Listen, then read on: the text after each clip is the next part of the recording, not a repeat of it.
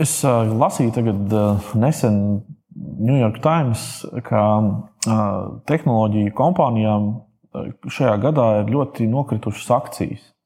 Un kā viens no tiem galvenajiem iemesliem tiek minēts tas, ka šīs lielās kompānijas, šo pareizāk sakot, darbinieki, ir sākuši pieprasīt, veidot arotbiedrības, sākt veidot kustības, kas aizstāv darbinieku tiesības. Un mēs runājam šeit par Amazon, par Google, par Facebook, par visiem lieliem uzņēmumiem, kur līdz šim Amerikā ir darbojušies nu, saka, tādā ļoti brīvā kapitālismā. Tagad, kā saka, darbinieki to ir pieprasījuši. Vai vispār, ja mēs tā no sākuma runājam par tādu darbinieku tiesību nu, kustību, vai viņa ir izgājusi ārpus Eiropas, ārpus tādas varbūt tradicionālās sociāldemokrātu tādas, nu, saka, kārtības un ir skārus arī lielo kapitālismu. Nu, praktiski jā, pat Āfrikā mēs redzam, ka arotbiedrības ir diezgan spēcīgas. Viņas varbūt mazliet uz citām tradīcijām, ne tik daudz tur, piemēram, noteikti ir arī kādā vietā sociāli demokrātiski orientētas, bet varbūt vairāk uz tādām cilšu pamatiem un varbūt uh, citiem vai uz kādu līderi balstītas.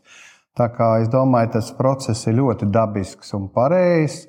Es domāju, ka tas, ko jūs pieminējāt Amerikas Savienotām valstīm un visām šīm lielajām kompānijām, tas saistīts noteikti ar pandēmiju, kas vēl papildus skāra darbiniekus. Un es varu godīgi teikt, ka pandēmijas laikā nu, Amerikas Savienotās valstis bija daudz liberālākas nekā Latvija attieksmē, jo pat tas variants, ko Baidena kungs piedāvāja, kad visos rūpniecības, piemēram, un citos uzņēmumos būs cilvēkam nesāt masku un vienreiz nedēļā darīt testu, ja darbinieku skaits ir virs simts.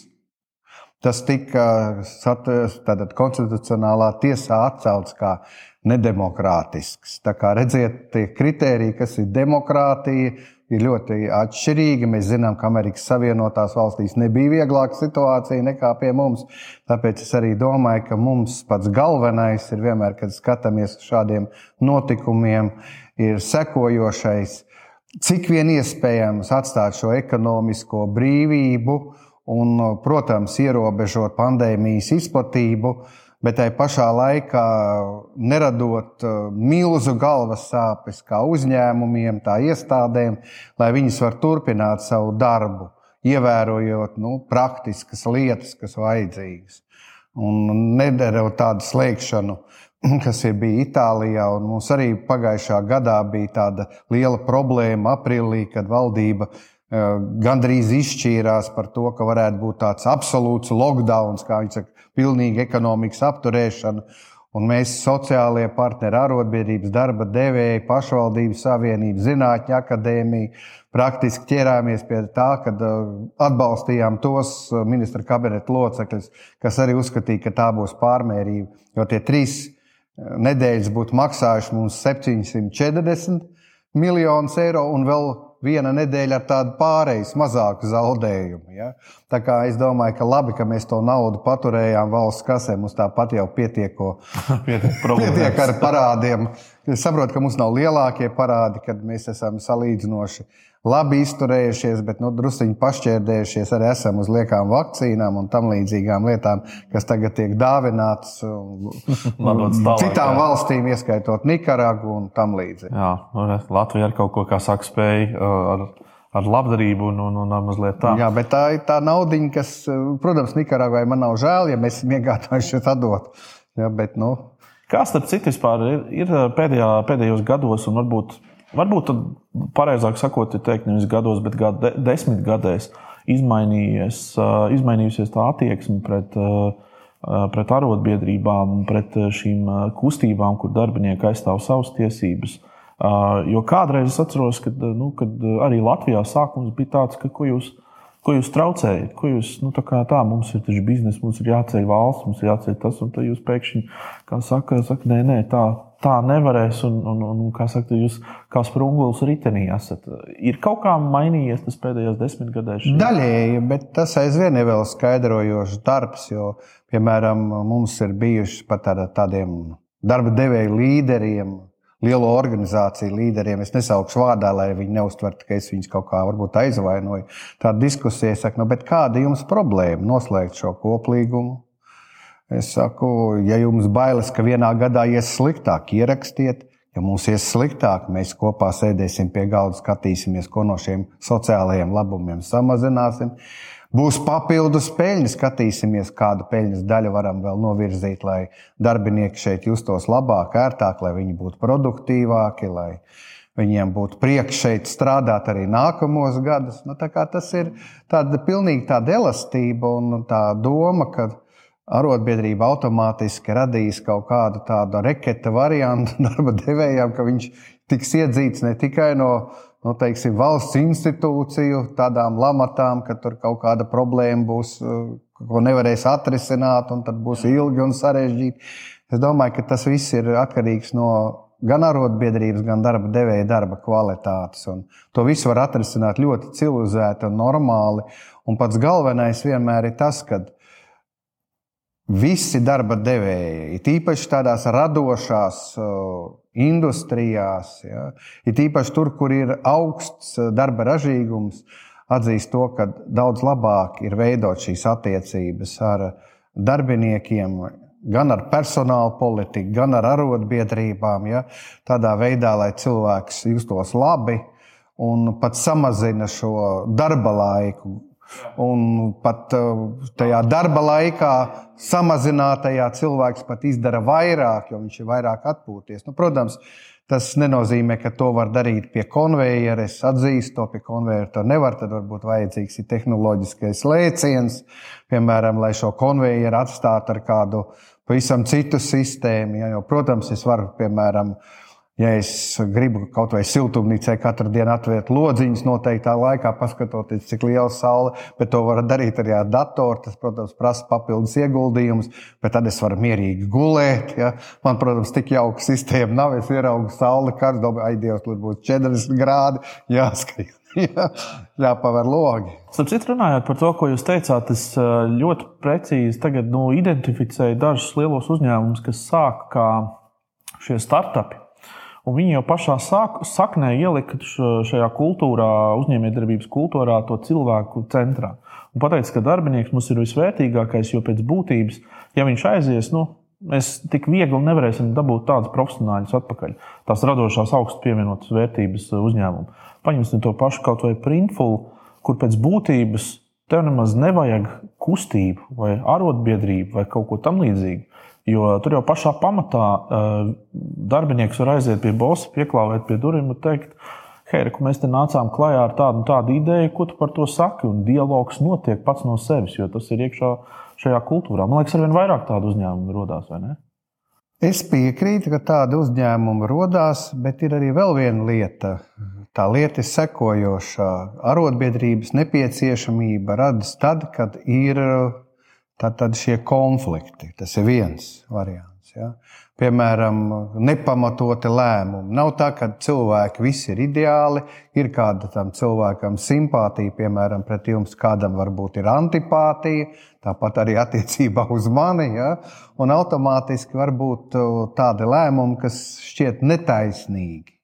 Tā skaitā darba samaksas jautājumos daudzos apstā, darba apstākļu jautājumos, darba aizsardzības jautājumos. Nu, un tāpēc arī tā arotbiedrība radās. Tur, kur viss ir tā skaisti salikts pa plauktiņiem, tad tur varbūt uh, tā nepieciešamība ir retāka, bet tad ir jautājums par citu līmeni.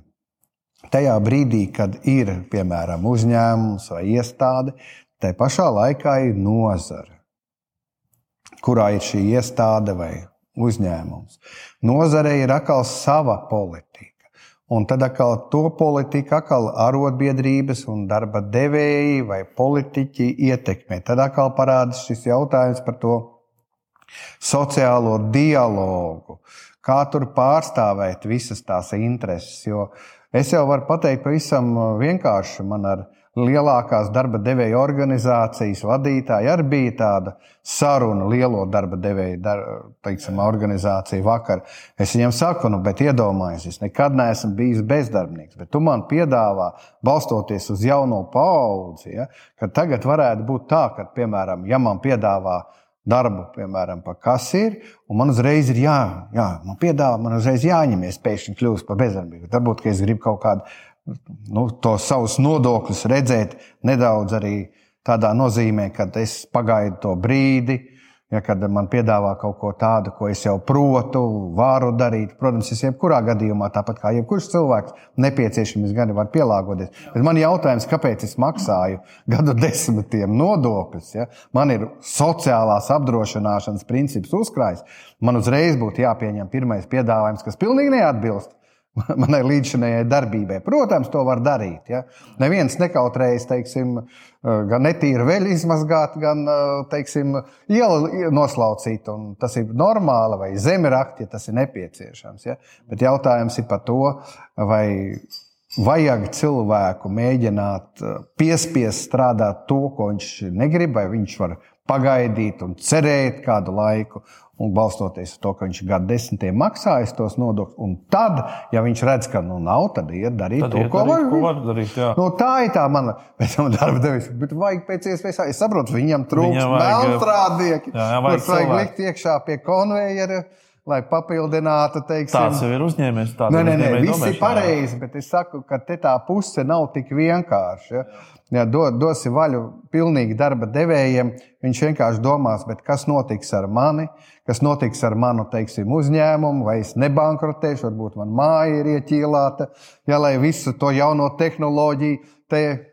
Un es palikšu pliks, ja, tāds pats kā visi pārējie, lai arī es varbūt strādāju 12 stundas kas varbūt ir tikai daļai darbinieku raksturīgi, tiem, kuriem ir atbildīgāka amata, ka viņiem regulāri neatmaksātas virsstundas jāmaksā, jo kā tad, lai viņš tiek ar visiem darbiem galā? Jā, tādas situācijas ir. Jūs jau arī minējāt to, ka tātad pastāv šie konflikti, dažādas intereses arī nozarēm. Nu, tad parunāsim, kā tad tās tiek regulētas. Nu, cik es, piemēram, zinu, un cik manas zināšanas ir, ka tā tad ir darba līgums man kā darba ņēmējam ar darba devēju. Tas Ja ir, Ja ir, Ja tas, ir. Bet, bet ņemsim to labo variantu. Tātad, Labo. nu, tātad, ja man ir, tad, tad tas ir pirmais jau kaut kāds solis, kurā dokuments, kurā tiek atrunāts kaut kādas mūsu attiecības. Tad, protams, ka es zinu, ka ir pastāv un eksistē šāds koplīgums, kur mēs kā kolēģi, ā, izmantojot, kā saka, arotbiedrības aizmuguri, varam slēgt kopīgu vienošanos ar darba devēju par to, ka tātad, ir jau kaut kādas jau mūsu kā kā, mm, kā kolēģu grupas, droši vien tā intereses un, un, un tā. Bet tad es esmu dzirdējis, ir arī ģenerāla vienošanās, tāds dokuments, kas ir, saprotu, nozares līmeņa dokuments. Varbūt šeit, teorētiski nacionāls. še- šeit faktiski man jau iestājas mazliet migla. Tā kā varbūt ka mēs varam tagad ar jūsu To piramīdu sāksim veidot. būvēt, Ja? Pirmais ir darba likums. Un tas ir lielā mērā pie mums pat labāks nekā Lietuvā un Igaunijā. Lietuvā ir varbūt atsevišķos jautājumos modernāks viņš, bet tās tiesības ir aizstāvētas labāk. Un tas ir atkal tas arotbiedrības kopējais darbs. To nevar izdarīt uzņēmuma arotbiedrība, to nevar izdarīt viena nozares arotbiedrība. Tāpēc viņas apvienojas vienā konfederācijā. Latvijā ir viena, tur ir Igaunijā ir, nu, varētu teikt, arī viena vai divas. Ja? Lietuvā ir praktiski divas vai trīs, tur var strīdēties un tam līdzīgi. Un tad, kad viņi ir apvienojušies, tad viņi arī attiecīgi to pārstāv. Tad viņiem ir tās kopīgās intereses, kas ir dažādās nozarēs, dažādās jomās jāpārstāv. Un tad tieši no darbinieka viedokļa. Jo darba devēja arī pārstāv tās. Un tur ir tas uh, kopā salikums. Bet tas ir likums. Jā, jā, tas ir likums, jūs- bet tas ir ārkārtīgi Jā. svarīgs. Jo, Jā. piemēram, darba līgumā, ko jums piedāvā, darba devējs pēkšņi nāk pie jums un piedāvā jums darba līguma grozījumus. Ja jūs uzreiz pat nesaprotat, ko tas nozīmē, tad, ja jums ir vai nu jurists draugs vai arotbiedrība, no taisnība, kas cits jums palīdzēs? Jurists, ja jums ir draugs, tad labi, bet ja viņš nav jums draugs, tad jums ir jāmēģina kaut kā pašam izurpties, un tas nav viegli. Un, patiecība, un, un tur tas moments var būt tāds, ka faktiski šie lī- līguma grozījumi var runāt kaut kādā ziņā pretrunā varbūt pat ar likumu. Nu, tas tā var būt. Un, ja man nav šis Teorētiski, jurists, vai šī arotbiedrība, tad es principā iekāpu tādā pelēkā teritorijā, varētu tā teikt. Ja? Nē, nu jūs vienkārši zaudējat kādu daļu savu tiesību, kas jums pienāks pēc likuma. Nu, tādā nozīmē, un likumi jau ir ne tikai nacionālā līmenī. Ir ļoti daudz likumu, ko veidojam mēs starpnacionāli. Tas ir Eiropas Savienībā, Startautiskajā darba organizācijā, kas ir pieņem tādas ļoti svarīgas lēmumus, ja konvencijas, un tās tiek ratificētas parlamentā, par tām bieži vien nezinu. Nu, piemēram, meža dienestā mums bija tā runa. Mums saka, nē, mīļie draugi, meža dienestu vadītāji. Tāda, nu, skarba un zelīta kundze, teiksim, tā pie, pieklājīgi. Ja? Un tad viņa vienkārši saka, es atbildu par visu šo reformu. Un tur atkal visi tie darbinieki saka, bet paga, paga, mēs tagad samazināsim tos mežziņus, mēs samazināsim tos, kas pieskata to mežu, palielināsim viņiem divreiz to platību. Ja? Bet viņi saka, es pēc Latvijas likumiem atbildu. No taisnība viņai ir, bet ar vienu piebildu. Startautiskā likumdošana arī ir mums, kas ir ratificēta. Saka, ka tur ja šādi jautājumi ir jākonsultējas ar arotbiedrību, un arotbiedrību tiesības ir satversmē pārstāvētas. Rakstīts, ka Latvijas valsts ievēro arotbiedrību tiesības.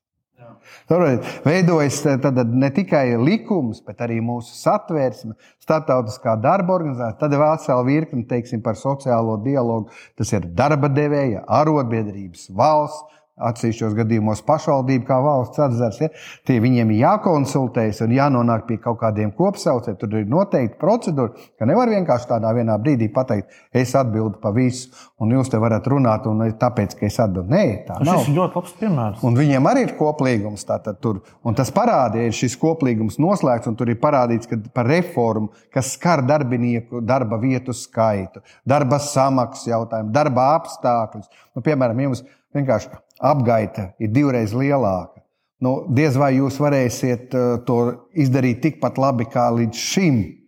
Ja, nu, teorētiski, varbūt kādu laiku, Katru dienu. Ja tas skar, piemēram, ugunsdzēsības jautājums, ugunsdrošību, ja es paņēmu konkrētu piemēru, ja, arī automātiski. Jā, es saprotu, ka ir teorētiski ugunsdzēsība. Ugunsdzēsība saka, ne, mēs, mēs ugunsdzēsējus negribam uzreiz pārņemt, jo mums pietrūks tas, tas, tas, tas. tas. Nu, vesela kaudz jautājumu. Jā, taisnība. Labi, kas ir tā ģenerāla vienošanās? Un... Ģenerāla vienošanās praktiski viņai ir dažādas pakāpes. Pirmā zemākā pakāpe tāda ir kāda nozare. Un tur daži darba devēji saka, mēs kaut ko gribam saviem darbiniekiem vairāk. Nu, tas jau būtu tā kā personāla politika. Mēs te sanācām desmit kopā, mēs tieši saviem darbiniekiem nodrošināsim to, to, to, to. Un noslēdz tā ģenerāla. Un tas attiecas tikai uz viņiem. Šiem desmit un viņu darbiniekiem. Tāda iespēja pastāv. Bet ir ģenerāla vienošanās, ja, kas tiek slēgta, piemēram, tāda, kas ir pārstāv vairāk nekā 50% darba devējs un nozares arotbiedrība, tad tajā brīdī tā kļūst par likumu visai nozarei. Par likumu visai nozarei. Tāda mums ir ar būvniecību noslēgta. Un jūs atceraties, tajā brīdī, kad mums minimālā alga bija 430, mēs vienojāmies, ka uh, viņa būs 780 nekvalificētiem, 810 kvalificētajiem. Kā proti, obligāta. Proti, likums nosaka kaut ko tādu vienu, bet tā kā nozare ir, ir Viņi, organizēti vienojusies par kaut kādām. Uh, faktiski atkāpēm, kā, vai, vai, vai par labu droši vien darbiniekam. Jā, bet uh, tur mums bija milzīga tāda cīņa. Jo, kur mums vajadzēja pierādīt tieši šo starptautisko likumdošanu, jo vienkārši atsaukties, kad arotbiedrībām tiesības satversmē Un ar to viss, ja ar to vien nepietiek, tad jāpaliek, jāparāda, kādas ir tās arotbiedrības. Tad tur ir Eiropas Savienības likumdošana, tur starptautiskās darba organizācijas pieņemtās konvencijas, kas ir ratificētas Latvijā, apstiprinātas. Tad mēs arī pierādījām to, ka mums ir gan valsts prezidenta juristiem, gan saimas juristiem, kuri tajā brīdī izgāja vienkārši no nacionālās likumdošanas un viss. Bet es saku, mums jau nacionālā likumdošana ir arī tas, kas ir apstiprināts mūsu parlamentā. Nu, labi, es, es tagad domāju, kā, būvniek, kā būvnieks, kā uzņēmējs. Uh, man, piemēram, slēgt, slēgt šādu ģenerālu vienošanos vai mēģināt uh, iet viņā iekšā, es būtībā pēc uh, pret savu, nu, pret savu biznesu to dara. Jo, Bet tur būtības, bija otra puse. Kur ir tas mans ieguvums? Tur jau bija tā lieta. Piemēram, mums nāca darba devēji un teica, mums ir problēma ar virsstundām, jo mums ir sezonāls darbs, un vienā dienā ir lietus. Ja, vienā dienā ir pasargā Dievs ļoti augsts, un tur nevedās tas darbs. Mums jāpastrādā ilgāk, jo mums ir līguma termiņi, līdz kuram mums ir viss jāizdara. Un tad viņi teica, bet mēs nevaram pavilkt to simtnieku. Šādos 100, 100, 100%. Ja? Mēs varētu 50. Mēs viņiem teicām, ka mums jau neinteresē. Jautājums par to 100 vai 50%. Mums interesē, cik eiro cilvēks saņem. Tas bija tas jautājums. Ja? Tā, un viņu šo eiro pirktspēju, protams. Ja? Jo, piemēram, pavisam nesen vēl bija tā, ka es pirms trim gadiem skatījos, īrijā tie 50% virsstundas piemaksas bija 4-5 reizes augstāk nekā Latvijas 100%. Mums jau neinteresē procenti, mums interesē, ko mēs varam ģimenei sev nopirkt, sagādāt vai iztenot. Vai no ģenerāla vienošanās, ģenerāla vienošanās var būt kaut kāda atkāpe kādam konkrētam uzņēmumam, vai, vai tas, tas tā nav? Vai nu tu pildi, vai ne? Nu, koplīgumā viņi var mēģināt to darīt. Ne, nu, te ir atkal jautājums ir par to, ka šādām atkāpēm no vispārējās likumdošanas ir jābūt saimas likumā atrunātām. Mēs to panācām. Izgājām šajā saimā, Un tad dabūjām gala rezultātu, un iepriekšējā vienreiz kopā darbdevējiem izgājām iepriekšējā. Jo pēc tam vēl bija vēlēšanas, un tad valsts prezidents neparakstīja, jo viņam teica, ka tā nebūtu tā kā pareizi. Ja? Kamēr mēs pierādījām vēl ar otru piegājienu, ar visām tām savām lietām, ja? kad ir tā pareizi. Es varu pateikt, pavisam vienkārši. Es atceros, savulaik Zviedrijā bija lavāla lieta, ja vēl kāds atcerās. Jā, celtniekiem. Tur bija Bignats, tāda arotbiedrība. Viņi man arī tur attiecīgi klupa virsū un tur devēja man vienā brīdī par kaut kādiem, uh, kā mēs atkāpjamies no darbinieku tiesībām. Mēs viņiem tajā brīdī teicām tikai vienu lietu. Ja mūsu darbinieku tur aizsūta, tad mēs nevaram konkurēt ar jums, ja mums vismaz darba spēka izmaksas nav līdzvērtīgas, tad mēs ar kvalitāti. Bet, ja jūs mums prasat, lai mums būtu darba algas tādas pašas kā jums, simtprocentīgi, ja, un vēl piedāvājam uzturēšanās izdevumu papildus, komandējuma izmaksas ceļojumu uz šejienu papildus, nu tad mums vairs nav ko korģēt. Tad mēs dabūjam tikai tos darbus, kurus neviens šeit Zviedrijā. nu, nē, nu tādas lietas mēs nedarīsim. Nē, nu beidziet, nu ko jūs. Nu.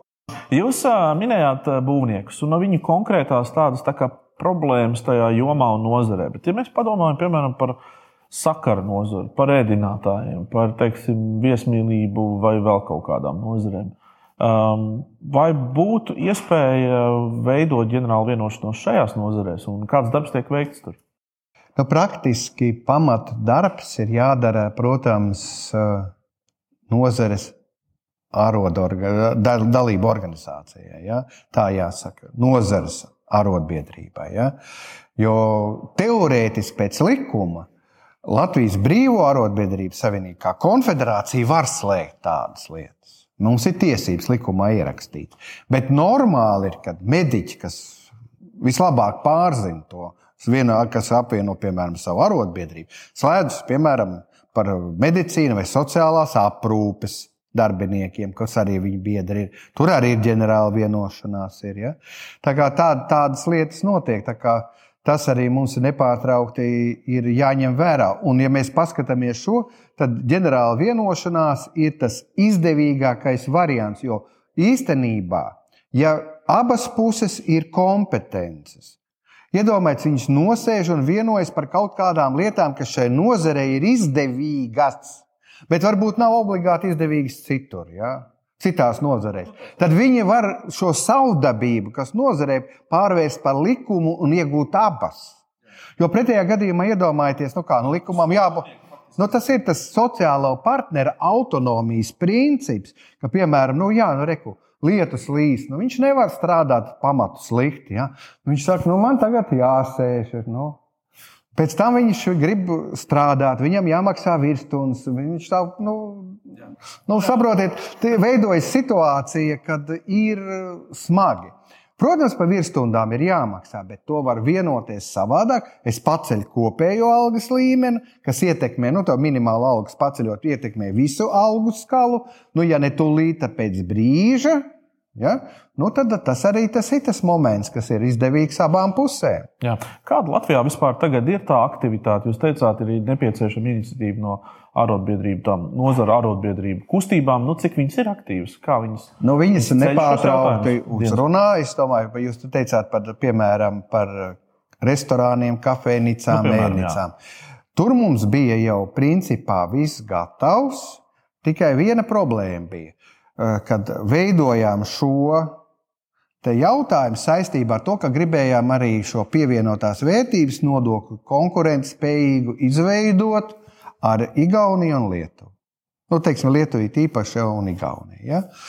Tātad, un tajā brīdī, no nodokļa likmes viedokļa, ja, arī šo ietaupījumu, lai valstī nebūtu zaudējumi, likām iekšā pamatā, kur darba samaksā kas atkal nāk atpakaļ gan pašvaldībām, gan valsts pamatbudžetam, gan sociālajiem budžetam.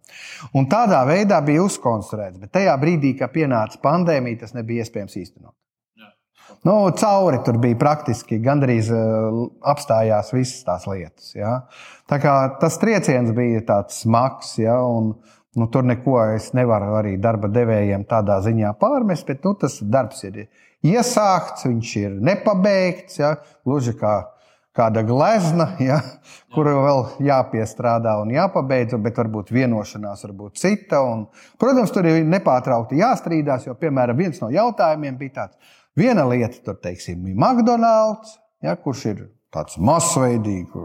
Ja? Un otra lieta ir, teiksim, restorāns, kurš ir nu, ar tādu zīmolu, ar tādu milzīgu pievienoto vērtību, kur, teiksim, ir kaut kas tāds smalks un izsmalcināts, un kur to apmeklētāju nav tik daudz, un tā peļņa summa varbūt tomēr summa ir mazāka. Jā, jā. jā nu, nu, šīs atšķirības. Tur ir tādas, tādas lietas, par ko strīds mums gāja finanses ministrija. Tādā nozīmē, ka es saprotu arī finanses ministriju, ka nu, vai tas uz ātrā ēdināšanas ķēdi tādā veidā, kā jūs to gribat, uz tiem smalkajiem restorāniem, kafejnīcām, kur īstenībā no nu, varbūt dzīves stila kaut kāds uzņēmums. Ja? Nu, tad, tur ir specifika. Tur ir specifika droši vien arī nozars. Es nos, mūs, noslēdzot mūsu sarunu, labprāt pieķertos vēl vienam, man liekas, kas šobrīd aktuālam būtiskam jautājumam, un tas ir šis ienākušais darba spēks šobrīd potenciāli, kā to varētu nosaukt, no Ukrainas. Nu, mēs, arotbiedrība, protams, atbalstam Ukraiņas cilvēkus. Uh, Vienīgais, ko mēs vienmēr sakām, tas nenozīmē, ka mums vajadzētu teiksim, kaut kādā mērā nu, viņus likt uh, augstāk par mūsu cilvēkiem. Tātad tas ir tas princips, kas jebkurā brīdī, lai no tās tiesības būtu vienādas. Tā pašā laikā saprotat, ja viņš ir atbrīvojis šeit, varbūt kaut vai ar trim somām, kaut vai ar mašīnu, viņam, protams, nav ne iedzīves šeit nekas. Ja? Nu, tādā nozīmē, ka viņam sākotnējā brīdī ir jāpalīdz, un nekāda diskriminācija nav pieļaujama ne pret Ukraiņu, ne pret Latviju, ne pret Latvijas citu. Tas ir skaidrs, nu, kā atbrauc cilvēks, mums viņam jāpalīdz, mēs viņam iedodam pajumti, tur ēdienu, bet vienā brīdī skaidrs, ka šim cilvēkam vajag nopelnīt naudu. Viņš iet un skatās, ko viņš apkārt šeit var darīt. Nu, mēs varam paiet pretī tajā valodas jautājumā, šī gadījumā viņam, lai viņš lēnām mācās, viņu tādā nozīmē, ka mēs kaut kādā veidā tur varam noregulēt. Es baidos tā uzreiz pateikt. Viņiem pašiem ir parasta vēlme Ja viņi šeit nedomā pārcelties uz Vāciju, tūlīt, ja, arī apgūt valodu, jo viņi tad jūt arī, kad viņa nu, kā darbinieka vērtība pieaug. To jau viņi paši teikuši, ka viņi mācās. Ja. Bet, ja viņš pēkšņi domā, es pēc mēneša varbūt pārcelšos pie radiniekiem Vācijā, tad varbūt tas ir citādāk. Nu, bet tad arī nevajag spiest. Tur ir jādod tāds eh, kaut kāds laika limits, un tajā brīdī te ir, kā saka, ārkārtas situācija, kas saka ne tikai humāna apsvērumi, bet ir cilvēci. Labi, bet jūsu organizācija prognozē, ko, ka šāda situācija būs īslaicīga vai tā eskalēsies kaut kādā brīdī, varbūt tā kļūs par tādu nu, sāsinātāku, varbūt dienas kārtības jautājumu? Nu, pirmām kārtām te ir divi jautājumi. Pamatā, es domāju, 99,9% viņi būs Latvijai lojāli. Tas ir pirmais. Ja?